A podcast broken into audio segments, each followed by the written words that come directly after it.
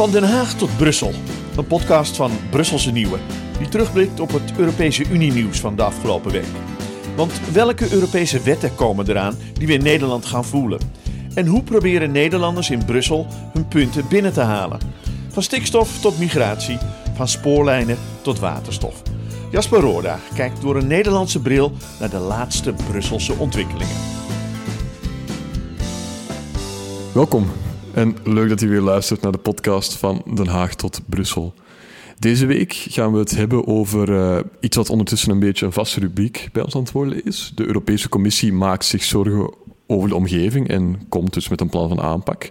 Um, verder, de, de lidstaten hebben eindelijk samen met het Europese parlement een akkoord kunnen sluiten over een, uh, een nieuw plan dat onze Europese defensieindustrie fors uh, een versnelling hoger moet doen schakelen. Maar misschien om te beginnen, we hebben een uitschuivertje deze week. Uh, Green Deal-baas Frans Timmermans deed namelijk een uitspraak die niet zo heel handig was en die heel wat stof heeft doen opwaaien. Laten we even luisteren. And also here I just want to express my commiseration for uh, the lady who died today uh, in the storms in the Netherlands, was hit by a tree when she was driving her car. So also these events are clearly linked to climate change. So if we need to feel the urgency of our actions, I think we only need to look outside. Ja, Yves, een beetje een ongelukkige uitspraak. Uh, ja, uh, inderdaad, een beetje een ongelukkige uitspraak. Uh, wat hij doet is um, een gebeurtenis hè, die, die net heeft plaatsgevonden. Er is een storm in Nederland geweest, daar is iemand bij overleden. hij linkt dat direct aan klimaatverandering. Nu is dat niet per se heel raar. Hè? Men zegt klimaatverandering veroorzaakt extremer weer. Ja, dat is waar. Maar om nu meteen te zeggen dat deze storm door klimaatverandering veroorzaakt is, ja, dat is gewoon te vroeg. Uh, er zijn uh, weerdeskundigen die dat later kunnen uitzoeken en inderdaad kunnen zeggen, nou. Uh, dit heeft inderdaad te maken met de opwarming van de aarde of, uh, of wat dan ook. Maar uh, ja, hij heeft zijn, zijn, zijn, zijn nieuwe wetgeving proberen wat kracht bij te zetten om de, hoe heet het, de urgentie te laten zien. Ja, en toen heeft hij ongelukkig gebruik gemaakt van, van die storm die dus in Nederland plaatsgevonden heeft de afgelopen dagen. Ja, ergens is het wel een beetje ironisch toch, hè? dat hij dan eigenlijk heel vaak zijn tegenstanders ervan beschuldigt dat ze op, op ja, een beetje op deze manier plat populisme bedrijven. Door als het, weet ik veel, ineens uh, heel koud is, te gaan zeggen van ja, zie je wel, die uh, klimaatverandering, het stelt allemaal niks voor. En nu maakt hij zich er zelf dan een beetje schuldig aan. Ja, uh, klopt. Uh, aan de andere kant, het is ook een mens. Hè. Ook ik kan soms denken, nou, uh, er gebeurt weer iets, er is weer een droogte. en dan zeg ik ook, nou ja, zie je wel, het gebeurt allemaal.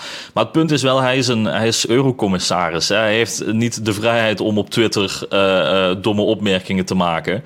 Um, en ja, je kan wel van een eurocommissaris verwachten dat hij even nadenkt over wat hij zegt. En misschien even wacht op uh, hoe heet het, op eh, de uitkomst van bepaalde onderzoeken. Ja, misschien is het ergens ook wel te begrijpen eh, vanuit het menselijke aspect. Want ik neem aan dat hij de afgelopen weken het vrij zwaar heeft gehad met al die tegenstand die hij tegenkwam uh, met zijn natuurstelwet. Dus misschien was het ook ja, een, toch een beetje een soort vorm van frustratie die er nu ineens uitkwam. Ja, misschien wel. Ik kan het, ik kan het me heel goed voorstellen hè, dat hij de urgentie uh, van al die klimaatwetgeving wil, wil aangeven. Uh, de Natuurherstelwet inderdaad heeft op heel erg veel tegenstand, uh, is op veel tegenstand gestuurd. vanuit de christendemocratische kant vooral. Hè. En daar heeft hij heel hard voor moeten vechten. En het is er nog steeds niet helemaal doorheen. Hè. We moeten volgende week nog gaan zien wat gaat gebeuren met die Natuurherstelwet. Maar ja, dus ik kan me voorstellen dat hij, dat hij iets harder is geworden in zijn bewoording. om te laten zien, jongens, alsjeblieft, dit is wat nu gebeurt. En die wetgeving die we aan het invoeren zijn, is belangrijker dan uh, de aankomende verkiezingen, dan je partijbelang.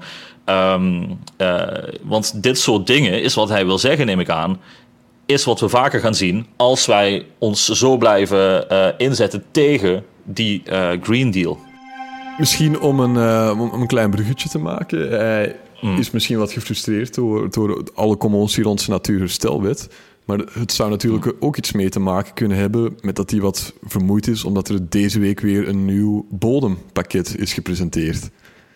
Ja, ik weet hier helemaal niks van eigenlijk. Nee, dat weet ik. Um, wie er wel oh. iets van weet, is, uh, is onze correspondent in Frankrijk, Meike. Dus misschien uh, moeten we gewoon daar eens even naar bellen.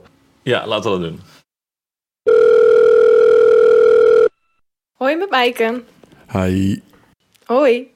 Ja, Maaike, het begint hier ondertussen wel een beetje een soort vaste rubriek te worden. hè. De Europese Commissie is van alles van plan eh, met betrekking tot onze omgeving, tot ons milieu, want ze maken zich zorgen.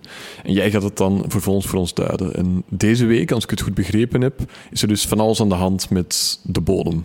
Ja, dat klopt. Eh, er is een nieuwe bodemwet en eh, nou, daar kunnen we behoorlijk diep in, in graven. Ja, oké. Ehm, maar vertel op, wa- wa- waarom is het nu zo slecht gesteld met de Europese bodem? Ja, in eh, Europa is, gaat het niet goed met de bodem. Eh, ongeveer 60 tot 70 procent eh, van alle Europese bodems dus is verkeerd op dit moment in, in slechte staat. En dat is niet goed, zowel voor de landbouw uiteraard, maar ook voor de biodiversiteit, voor alles wat leeft in en op de bodem. Een, een slechte staat, dat heeft dan te maken met vervuilde grond door eh, fabrieken, met, met stikstof, met te droog, of hoe moet ik mij dat eh, voorstellen? Eh, ja, dat klopt. Daar heeft het eh, onder andere mee te maken. Het heeft met vervuiling te maken vanuit de industrie, maar ook zeker vanuit de landbouw. En daarnaast speelt droogte natuurlijk een steeds grotere rol. Maar niet alleen droogte, ook juist als er hele harde regenval is, zien we steeds vaker dat door toenemende bodemerosie, dus het afbreken van de bodem, ehm, ja, de grond wegspoelt en de vruchtbare bovenlaag die er dus is gewoon ja, verdwijnt. En dat creëert eigenlijk een soort visueuze cirkel waarin de bodem dus steeds slechter wordt en de landbouw er ook steeds meer last van heeft. En er dus meer schadelijke eh, stoffen gebruikt moeten worden om eh, de landbouw in Europa te laten werken. Mhm. Nu, de commissie wil dus het tij gaan teren met een, eh, met een nieuw voorstel. Wa- Wat willen ze nu concreet gaan doen, juist dan? Ja, ze hebben voorgesteld om de bodem eigenlijk beter te monitoren. Het heet ook de Bodembewakingswet, de Bodemmonitorwet. Ehm, en eh, in dit voorstel, ehm, het voorstel is er vooral op gericht ehm, om de bodem dus beter in de gaten te houden. Eh, gegevens vanuit verschillende Europese instituten zullen worden eh, gecombineerd om ja, een duidelijker beeld te krijgen van wat eh, zich afspeelt in de bodem. En deze gegevens zullen vervolgens verstrekt worden aan eh, boeren en andere grondbeheerders. Zodat deze eh, ja, boeren en grondbeheerders beter weten hoe zij voor hun bodem kunnen zorgen en wat er nodig is.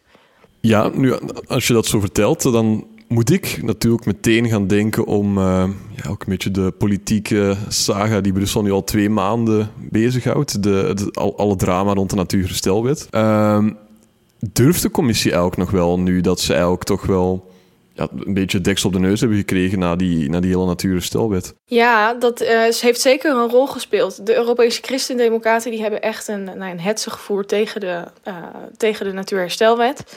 En nou, dat is ook bijna, dat speelt nog steeds, maar het, eh, het hij is al een paar keer bijna overboord gegaan, de hele wet. Dus om de Christendemocraten niet nog verder te verliezen, het is overigens ook de grootste fractie in, fractie in het Europees Parlement. Eh wou, de, de, Europese Commissie in deze, ehm, met deze bodemgezondheidswet ja, eigenlijk bijna een soort handreiking doen. Dat heeft eh, Timmermans ook gezegd. We hebben geprobeerd bruggen te bouwen. Eh, en nou ja, deze wet is daardoor uiteindelijk ook een verwaterde versie volgens critici geworden van wat er eerder is voorgesteld.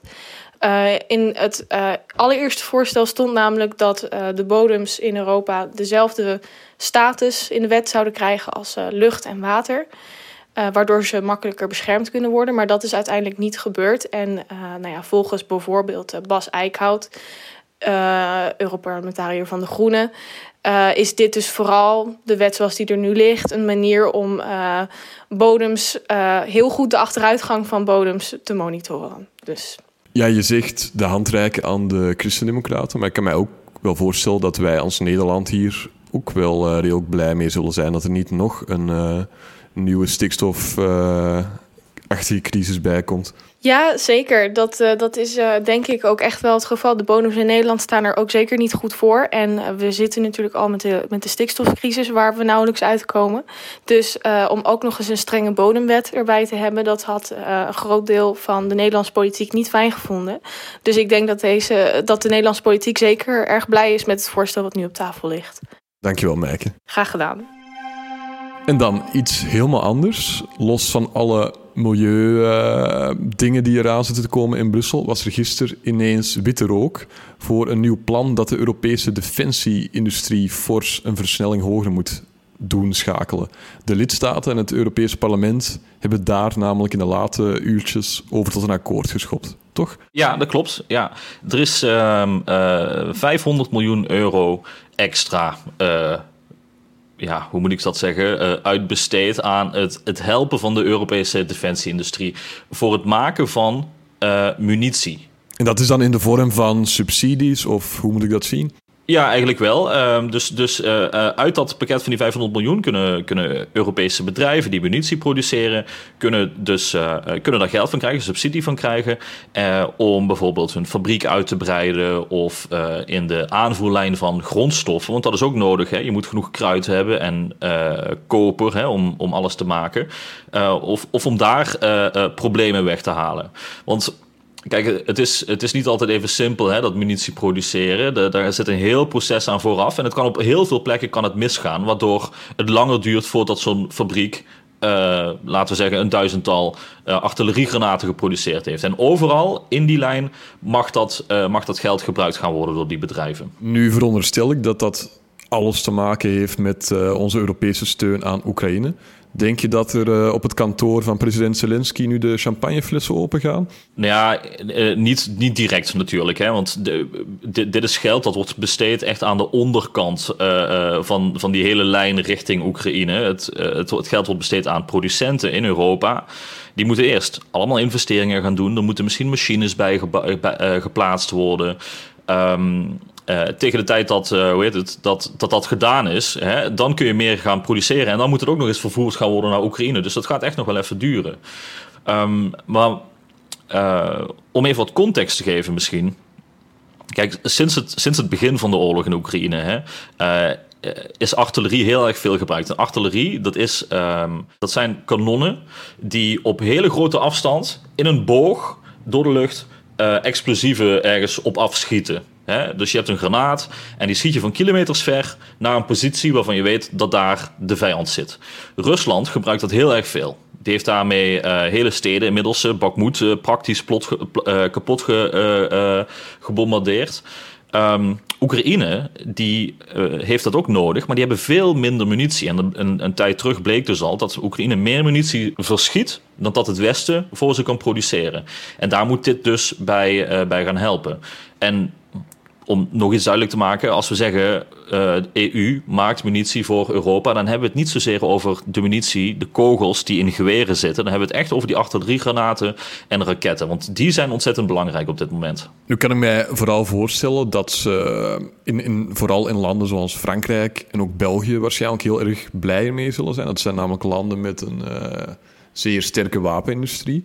Uh, weet je ook hoe, het, hoe ons kabinet als het er nog zou zijn op het moment van uitzenden, ja. heeft uh, gereageerd op, op, op deze doorbraak. Nou, dus uh, ons kabinet heeft zich eigenlijk altijd heel hard ingezet voor die productie. Hè? Um, je zag uh, op een gegeven moment um, gingen de lidstaten onderhandelen over hoe kunnen we ervoor zorgen dat er meer munitie naar Oekraïne gaat. Sommige lidstaten, wilden, lidstaten wilden het alleen in, uh, hoe heet het, in Europa laten produceren. Terwijl Nederland voorstander was van nou jongens, laten we het zo snel mogelijk gewoon geregeld hebben. Als dat betekent dat we ook buiten Europa dingen moeten, moeten gaan inkopen, dan is dat zo. Dus... Um, het standpunt van het kabinet is altijd geweest: zo snel mogelijk, zoveel mogelijk hulp. En uh, daar past dit, uh, dit pakket natuurlijk bij. Eh, bij. Ik, ik, ik, neem aan dat ze, dat ze heel blij zijn ermee. Ja, misschien wel belangrijk om er nog even bij te vermelden. Dit akkoord gaat dus eigenlijk om een soort politiek voorakkoord, als ik het goed begrijp. Ja, eigenlijk wel. Hè? Dus dat, uh, dat noemen ze dan een provisional agreement in EU-taal. Maar dat betekent dat er inderdaad wel een overeenkomst is. Daarvan moeten details vaak nog uitgewerkt worden. Uh, maar het betekent ook dat de lidstaten zelf hè, onder elkaar nog een beslissing moeten nemen. Maar ook het Europees Parlement. Nu is de verwachting dat dat goed gaat komen. Um, en eind juli, hè, dus deze maand, zou het officieel moeten zijn. En dan is dat geld daadwerkelijk beschikbaar voor bedrijven om te gaan gebruiken. Oké, dus nog heel eventjes afwachten dus. Nog, nog heel even afwachten, inderdaad. Nou, Yves, bedankt om er uh, weer bij te zijn. Ja, geen probleem. De luisteraar ook wederom bedankt om uh, weer te luisteren.